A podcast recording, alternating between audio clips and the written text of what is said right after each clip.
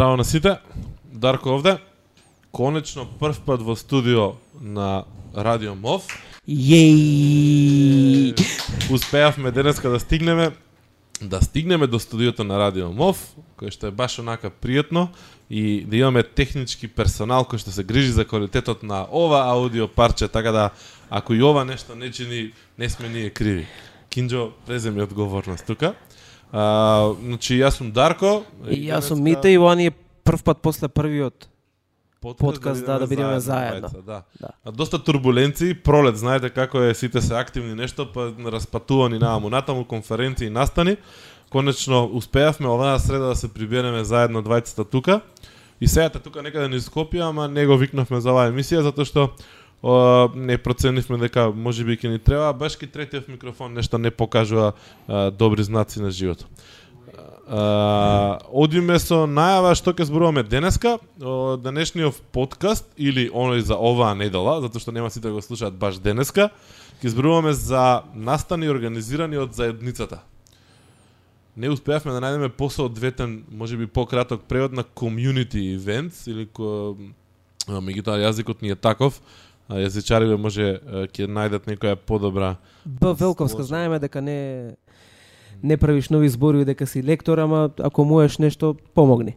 Да, значи ние решивме community events да го правиме како настане организирани од заедницата и решивме денешната емисија да ја посветиме токму на овој концепт, на неколку настани што а, се случуваат или ќе се случуваат локално и генерално да го искоментираме концептот. А, знаете дека а, одиме премиерно уживо на а, Радио МОВ и тоа во Знаеме сега дека гледате. Ел Класико, Барселона и Реал, најверојатно нема да имаме слушатели, меѓутоа ќе си ги ставиме ние подкастите како што правиме до сега на на комуникации.нет и ќе можете да не преслушате и после Ел Класико. А се надеваме дека барем неколку луѓе ќе не слушаат и за време на Ел Класико. Да, ќе ги частиме. Следни, оно што ќе твитне и ќе каже дека не слуша додека трае Има пиво од нас. Има пиво од нас, заедно со кикирики. Ако тепа кој тим?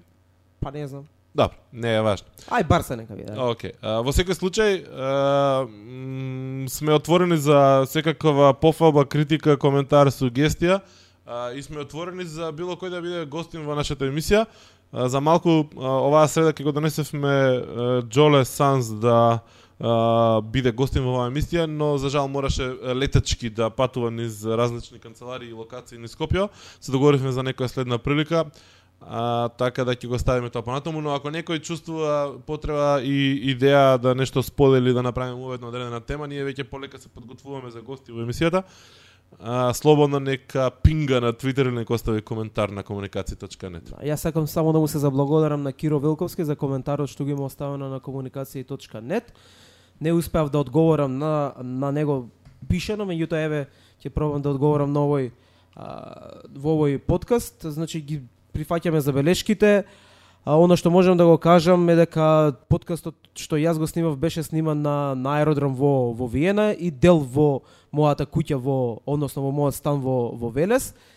И одредени работи како што се одредени застанување или преповторување на на реченици или клучни зборови што го правиме поради тоа што доаѓам од а, дебатерска основа, односно сум бил долго време дебатер и кога имате дебата, односно кога некој ви суди за тоа што го кажувате, многу често сакате да ги повторите работите кои што мислите дека нај највеќе оставаат впечаток и затоа јас во подкастот понекогаш повторувам два пати не одредени работи, но ќе се трудам затоа што вие а, сакате да го променам. Тоа ќе се трудам да го да го променам и ќе се трудам потечно да зборувам иако не знам сакам да правам одредени паузи додека додека зборувам со цел додека се префрлам на на, на друга на друга тема или на да да продолжам реченицата, он одредена пауза некако ми има шмек, меѓутоа доколку не ви се допаѓа и тој, тоа ќе го променам.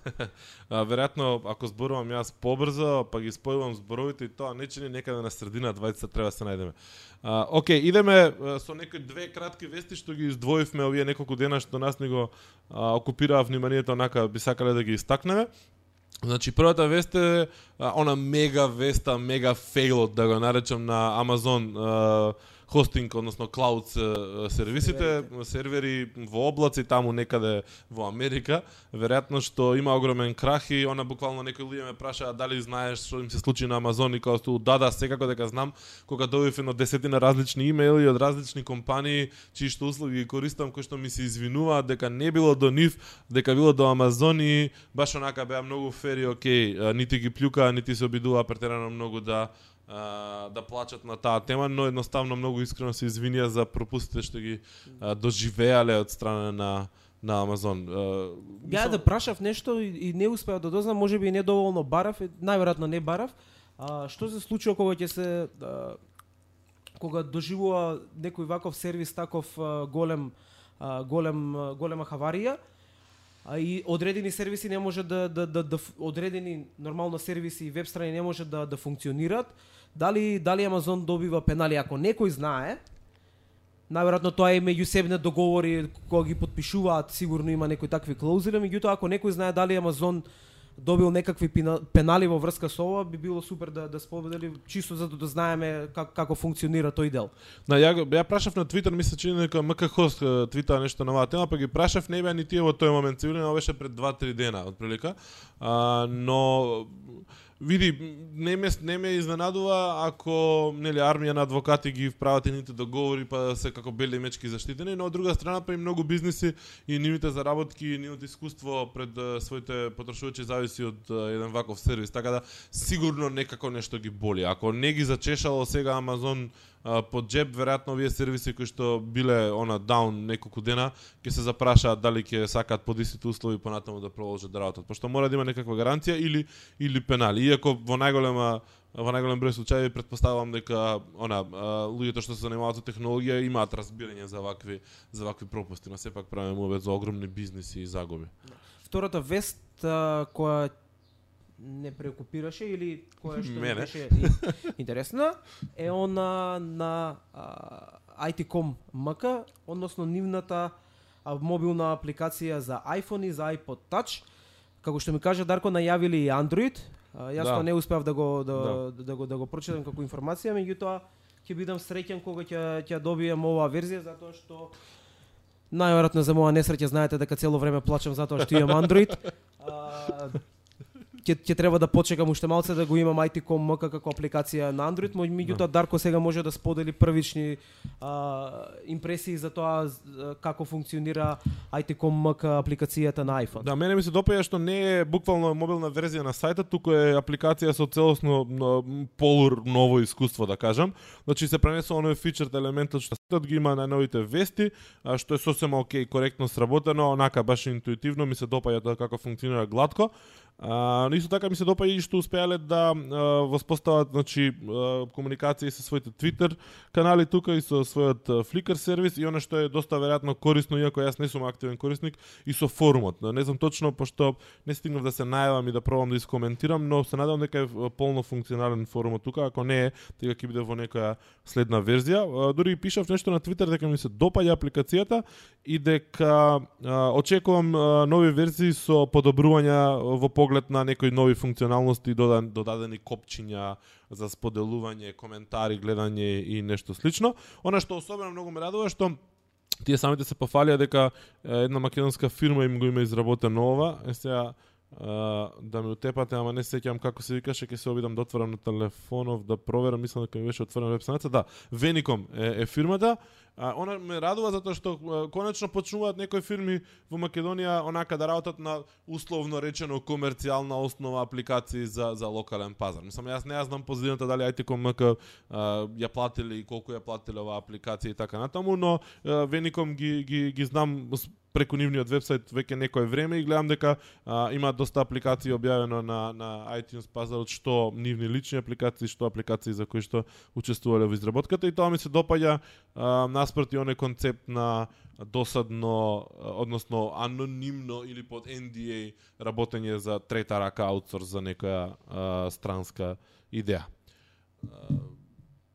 Толку веројатно за вестите, мите? Да, толку за вестите. Да, идеме ние на, на нашата тема за денеска. Uh, не уклучивме саат, ама Кинџо е тука да ни каже колку како се движиме ја- со времето. Имаме уште значи 10 минути до сега зборуваме, значи уште некаде 20 на мину, минути преку сила Да. имаме да. за, за да обработиме темата. А, настани организирани од заедницата. А, Што прво мито тебе ти паѓа на памет кога ќе ти каже некој community events или настани организирани од заедница? Па прво нешто што ми паѓа на памет е Tweetup, Meetup, а, Стрита. а, Streetup, да, се се сето поврзано обично со овие сервиси кои што ги користиме како а, Twitter, Foursquare и така натаму.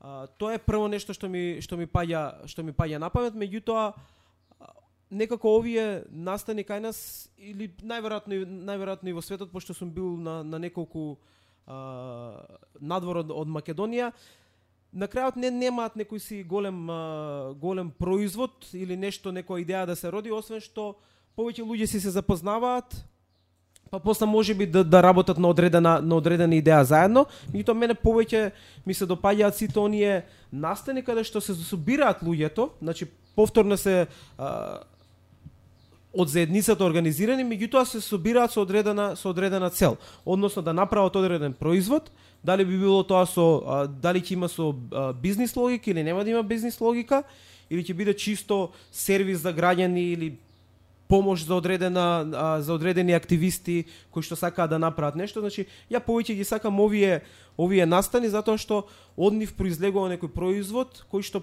понатаму може да има голема голема вредност употреблива. А, во секој случај да има има вакви настани во Македонија, вредни некои за одбележување, некои по поскорешни, некои поодамнешни. Предпоставувам се, ја не сум точно а, точно сигурен дека вакви настани а, буквално се случуваат од од а, она BBS а, комуникацијата која била во Македонија, пошто знам некои пријатели кои што ми спомнувале дека а, се дружеле, меѓутоа кога немаш одредена цел, кога тоа дружењето е само заради дружење, малце и не не е до толку многу она она вистинското кој што кој што зборуваш ти. Но она да кажам во некое поново време колку што ме држи сеќавање, јас кога почнав да да да блогирам, налетав на една една таква дружба, значи на неколку такви дружби кои што она првите некои 10 на 15 блогери во држава ги организираа. Се сеќавам дека се пиеше пиво во оној клубот кај Кино Манаки, седам утре беше не се сеќавам како се викаше. А, тука позади, не е ни важно. А, таму таму неколку пати а, се се собравме и а, нешто што јас на пример а, го го видов таму како вредност беше баш на размена на идеи, размена на а, а, искуства и, и така натаму и почувствував а, дека не може да се направат вакви настани повеќе и помалку или повеќе од тогаш па натака цело време некако сум проактивен или сме проактивни ја потикнуваме заедница за да направиме вакви настани. А, Ја оно што са, што можам да го забележам, што сакам да го кажам е дека во Македонија имаше неколку успешни а, вакви среќавања. Било тоа дали биле поврзани со Foursquare и дали било поврзани со Twitter. Еден од најголемите беше организиран од од Б Велковска и, и беше повтор пат ја спомнуваме. Да, и во по овој втор пат ја спомнуваме, Б Велковска ни е на, на, на овој подкаст. А, значи, беше организиран од нези, беше, беше во кафели и беше прилично успешен. Оно што беше како а, позитивно искуство или како последица на сето тоа, можевме да видиме раздвижување на Твитер сферата во, во Македонија после вакви, после вакви твитапи. Меѓутоа, од тогаш, освен 140 м кога беа наградите, да. се нема се нема случај на некој поголемо поголемо собирање на на на твитерџи на едно место или па нема некој да, да рече ајде да се да се собереме. Што мене ми са, ова е моја чиста предпоставка ми кажува дека веќе како да им е здодејано на луѓето да додат само на, на такви дружења, туку како да бараат нешто повеќе да, да се случи новие новие настани нешто што што ќе Па да. што ќе има некоја идеја, што ќе има за цел зошто јас би отишол на тој настан освен да пијам нели пиво. А, е па супер, значи а, се сложуваме тука пошто ја го имам некако исто да чувство и дори неколку пати кога комунициравме дека као ајде да организираме некој настан или кај има настани што се организираат. Еве на пример Џоле на времето ме прашуваше дали има некои настани редовни од овој тип што се случуваат за да дојде да присуствува и некои други пријатели што а, доаѓаат од странство, мислам најчесто македонци што работат некаде во странство. А, за жал а, има има некои настани, не е дека нема, но нема претерано многу настани кои што со кои што може да се да се пофалиме што се тематски организирани. Иначе тука никако не смееме да ги забораваме да го забравиме Хак клабот и а, значи редовните активности сподели кино, сподели знаење кој што а, заедницата на поддржувачи на слободен софтвер и организирате, они веројатно одлично функционираат. Во еден краток период имавме многу по по директно искуство со нив, но а, генерално тука може да се спомни .NET заедницата во Македонија која што е доста активна.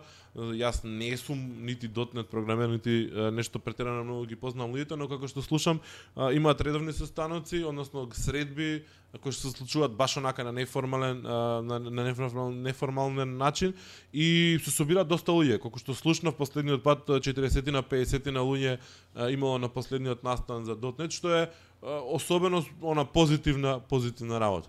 Но за жал некако како да ми недостасува настани, ми недостасуваат настани кои што ќе се испомешаат различни различни профили на луѓе.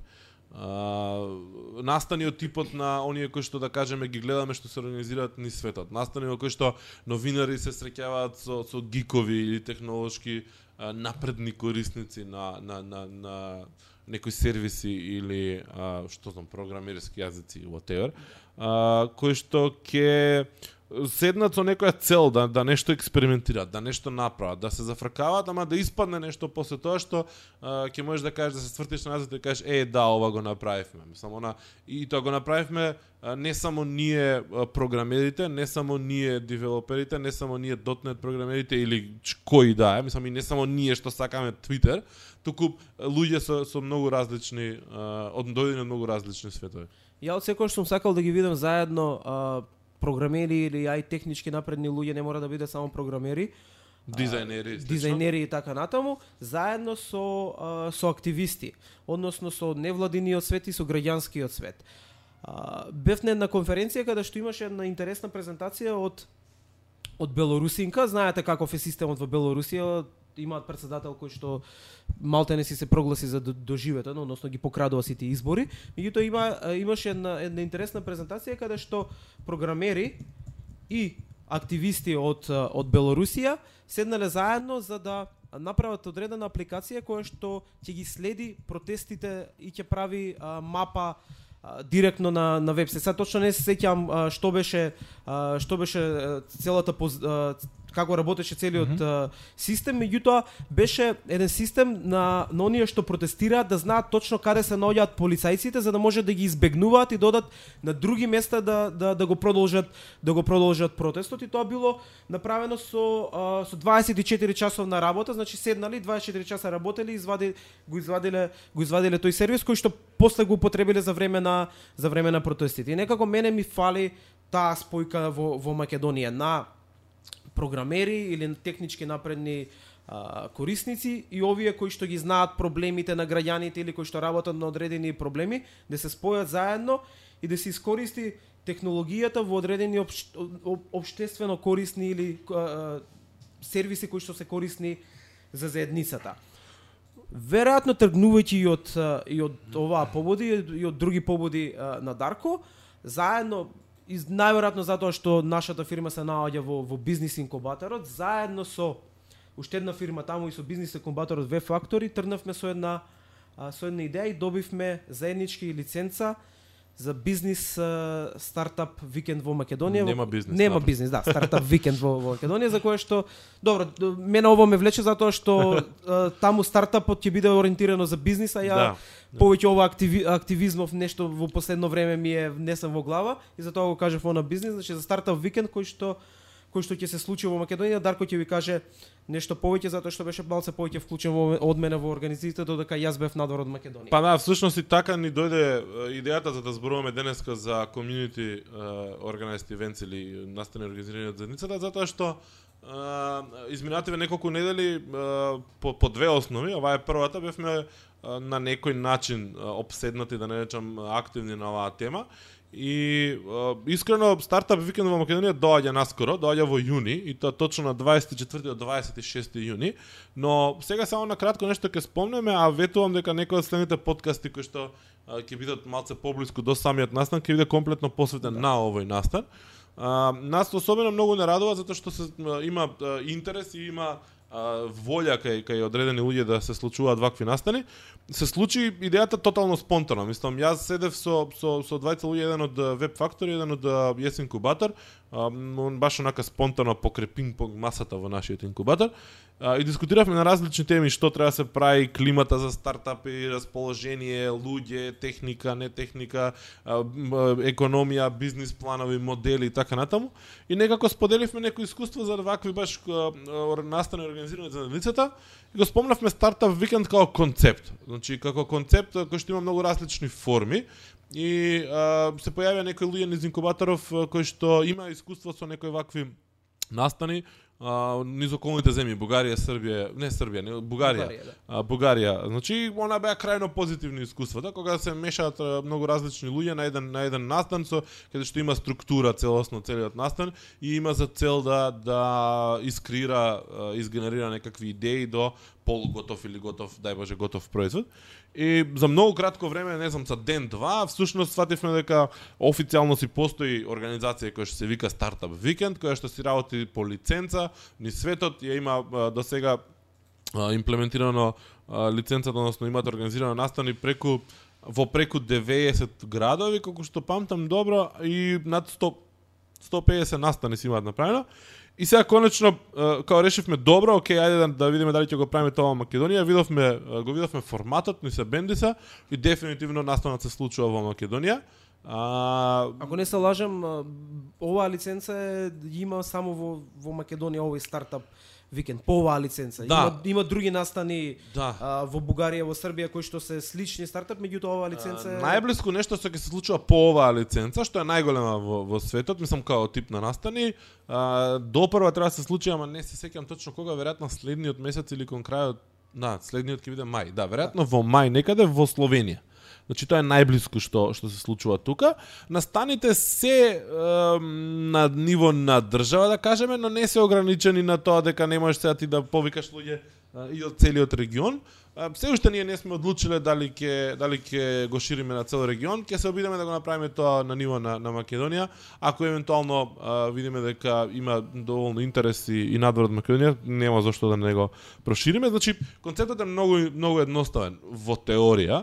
А, ќе видиме тоа ако ќе го спроведуваме, меѓутоа да не давам многу, значи 54 сати, петок попладне, недела недела до крај, се собираат луѓе, а, учесници на на самиот тој стартап а, викенд кои што доаѓаат со со различни предзнаења и различни идеи. Значи не се не станува збор за програмери, девелопери, дизајнери, а, економисти, а, не знам, социолози, географи, историчари на уметност, значи станува збор за сите. Значи што е можно пошарен свет да се она поразнолик свет да се донесе на тој настан, тоа во основа би требало да биде да биде подобро. Тоа ќе бидат тимови кои што, што Да, да, да. Од, од луѓе кои што би работеле Да, на значи, одредена секој идеја. доаѓа со идеја, па во првиот дел од денот презентира идеја, па се гласа за идејата, па се формираат тимови. Меѓутоа, за самиот формат ќе дискутираме веројатно во таа емисија која што ќе посветиме само на тој, ќе викнеме некои од луѓето што се директно вклучени во организација да не се придржат. А за денеска само што мислам дека е доволно да да кажеме дека а, во суштина ќе има многу многу луѓе кои што ќе бидат ментори, така наречени. Значи ќе има суди и ментори од различни а, професии повторно кои што ќе им стојат комплетно на располагање на луѓето што кои што ќе дојат таму. Значи а, луѓе кои што имаат искуство и во моментов се во потрага токму по тие таквите кои што може да понудат нешто повеќе и ќе го споделат своето искуство и знаење а, со оние кои што ги дојат таму да сработат некоја идеја и да освојат награда секако. Но доста за стартап викенд. Она што е, е важно тука е дека а, до сега она со кого да ја споделивме информацијата најде на, на доста позитивни реакции.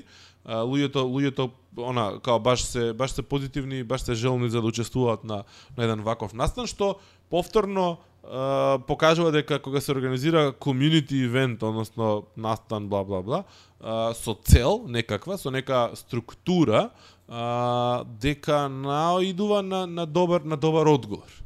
А, и сега за да а, финишираме некако и да поентираме за дискусија на кои се нашите ставови за, за вакви настани, би требало да спомнеме и некакви други по светот што се случува. Мислам, ја обожавам вакви вакви вакви настани, не толку многу дека сум бил да да да, да ги искусам директно, но е,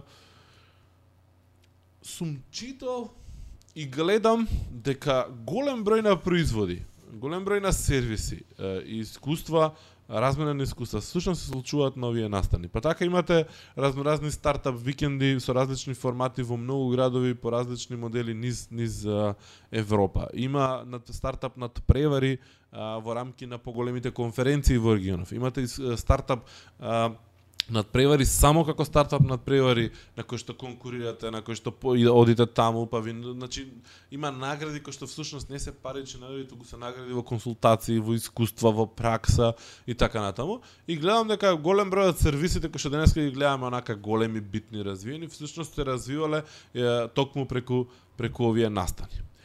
А, и она баш нашиот муабет е дајте да да ги да се измешаме или да ги измешаме луѓе што е можно повеќе затоа што а, изолирани еден по еден многу ретко може да дојдат до до она као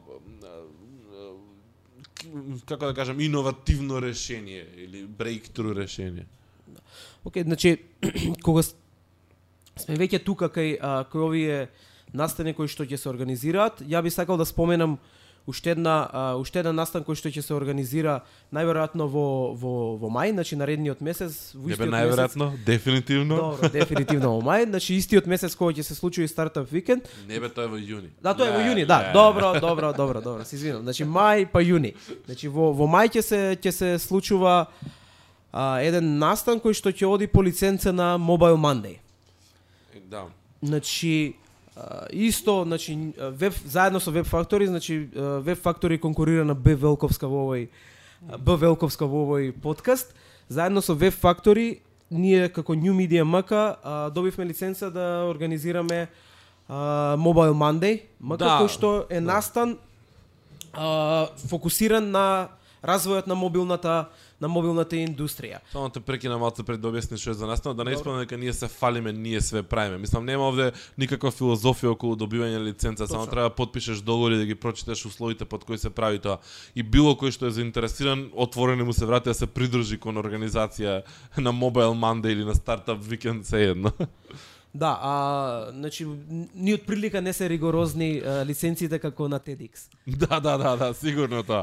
Верувајте дека дека нема да има најавувања, па не знам таму 100 ограничувања членови и така натаму, што за мене е едно големо олеснување, нели? Доколку беше така немаше да прифатам да а, да, да а, нашата организација биде вклуч или моето лично име биде вклучено во во во таква во таква организација каде што лиценцата има толку рестриктивни правила. А, само да ви кажам неколку работи за сакав да за за Mobile Monday. Значи настанот е всушност се се случува а, во понеделник, што самиот самиот наслов нели а, покажува. А, тука се собираат луѓе секој се може да биде секој понеделник, може да биде првиот месец во во во, во месецот кој што е понеделник а, или последниот може на три месеци да биде, тоа ќе зависи сето од нашата желба и нашата волја, нашата организација и теми кои што ги имаме да, да ги разговараме. Значи, а, можно е да биде само а, собирање како на но, но, но, на Твитап, само да, да се видат луѓе кои што се заинтересирани да разговараат на тема од мобилниот свет, меѓутоа ние ќе се трудиме да секој секој а, наш настан биде покриен барем со едно предавање или Едно до две кратки едно до предавања. две кратки предавања или презентација Да. или така натаму. Како за илустрација на пример, наредниот а, Mobile Monday настан во а, во Србија што ќе се случува, ќе биде организиран а, со цел да одредени луѓе ги презентираат своите а, мобилни апликации, односно програмери или девелопери, да ги презентираат своите мобилни апликации на овој настан и они сега тука имаат организирано и одредено гласање, па и некоја награда, меѓутоа а, дури не мора да биде и така. Може да биде само само представување и добивање на на на идеи а, од страна на на другите кои што а, нели се интересираат за мобилната за мобилната индустрија. Може би во а, некој од нашите идни а, Mobile Monday настани ќе биде организиран токму со оваа цел. Да видиме, да собереме девелопери кои што имаат незавршени идеи, само идеја, при крај идеја, да видиме што имаат и да добијат а, одредена позитивна, негативна критика врз, Да, за, да. за нивната идеја и како да ја развијат Да. понатамо. Значи да, станува збор за комплетно онака комјунити организиран настан, нема влезници, нема нема котизации, нема пари, нема ограничен број на луѓе освен капацитетот што ќе го одбереме во прво време. Да. А, настанот би требало да се случува на 9 мај, ние на ум го имаме клубот на на новинари. Но дефинитивно ќе ја потврдиме оваа информација во теков на следниве неколку денови а, официјално низ нашите канали по кои што комуницираме. На мите му свиреше аларма дека не истече времето. Значи, Утепавме колку 30 минути? 30 минути отебавме, само да ви кажам дека а, мотото на, на Mobile Monday е насмевни се понеделнике, а ние може слободно да се насмевнеме затоа што го завршивме насиот пети подкаст. Фала на сите што не слушавте а, во живо на Радио Мов, но и на комуникација.нет. А, ги чекаме ги чекаме вашите коментари, критики, забелешки искуства можеби со вакви настани. А, затоа што не ни е целта да ја затвориме темата кога ќе застане емисијава, туку напротив да ја отвориме тогаш. Ова беа само нашите ставови, искуства и информации кои што можеме да И нека споделиме. победи подобриот вечерва Барселона или Реал Мадрид. Јас сум за Барса. Ја не кажу. Ciao.